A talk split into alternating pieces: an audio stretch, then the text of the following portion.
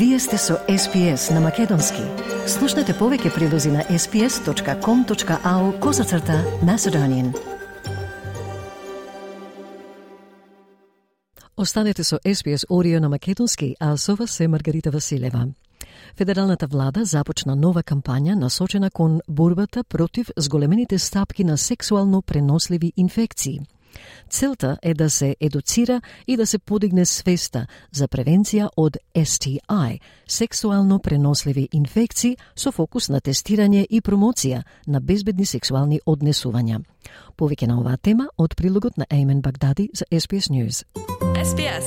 SBS. SBS. SBS. SBS. SBS Radio. These two feel pretty stoked. Is it because they just had great sex? Or is it because they felt safe doing the best part by regularly doing the test part?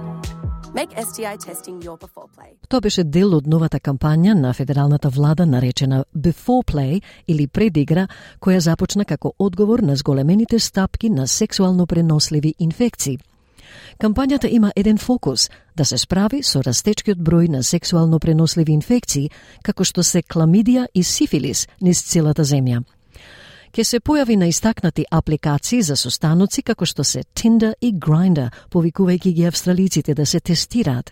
Обштиот лекар, доктор Брус Уилет, вели дека луѓето може да имаат инфекција и да не знаат дека се заразени.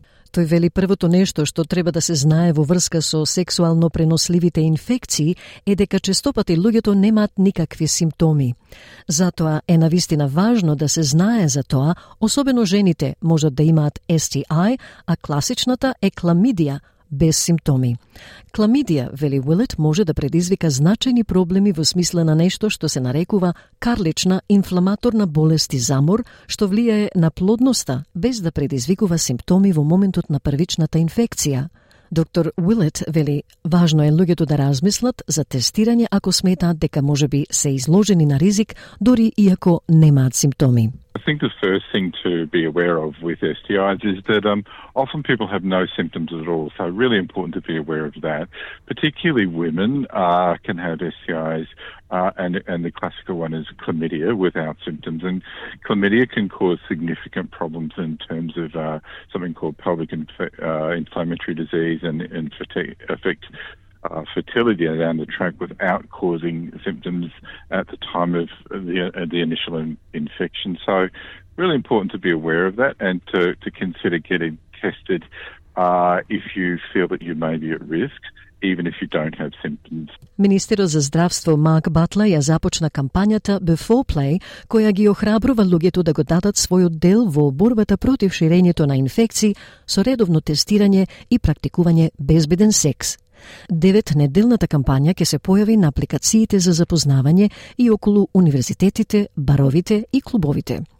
Ги охрабрува младите австралици редовно да се тестираат за сексуално преносливи инфекции. Доктор Уилет вели дека австралиците не внимаваат премногу кога станува збор за тестирање.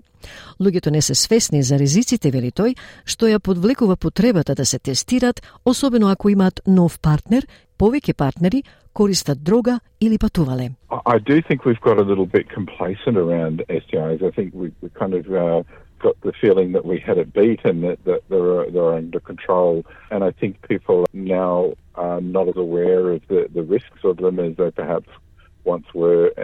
So it, which does speak to the to the need for people to a get tested if they're at any risk, and that means um, if you have a new partner, if you have multiple partners, people who use IV drugs are, at, an increased risk. People who have travelled and had uh, sex overseas, in particularly in high-risk countries, all need to think about getting tested. It is important thing to do regularly. Доколку не се открие, сифилисот може да има сериозни здравствени влијанија за бремените жени и нивните бебиња. Секој шести австралиец ке добие STI во текот на животот. Информациите ќе бидат преведени и за лицата од неанглиско говорно потекло и припадниците на првата нација. Доктор Виджеј Раманатан вели дека постои загриженост за тестирањето, особено меѓу мигрантските заедници поврзани со срам.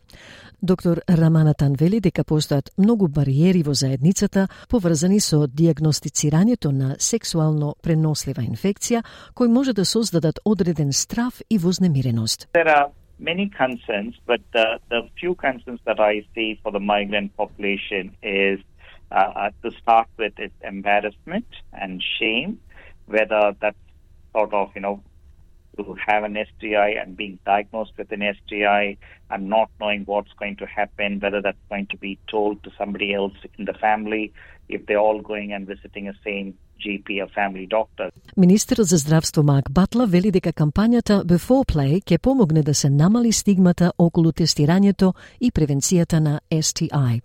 Тестирањето може да биде едноставно, како земање примерок од урина или крв и може да се направи кај општ лекар, локална клиника за сексуално здравје или здравствен центар во заедницата. Having a diagnosis of a condition, let alone STI, any condition can create some fear and anxiety. And definitely, when it has something to do with sex, then we call it a sexually transmissible infection. The diagnosis of STI is definitely uh, uh, anxiety provoking and it creates a sense of shame. Вашата заедница, вашите разговори. SBS на Македонски. Стиснете, ми се допаѓа, споделете, коментирајте. Следете ја SPS на Македонски на Facebook.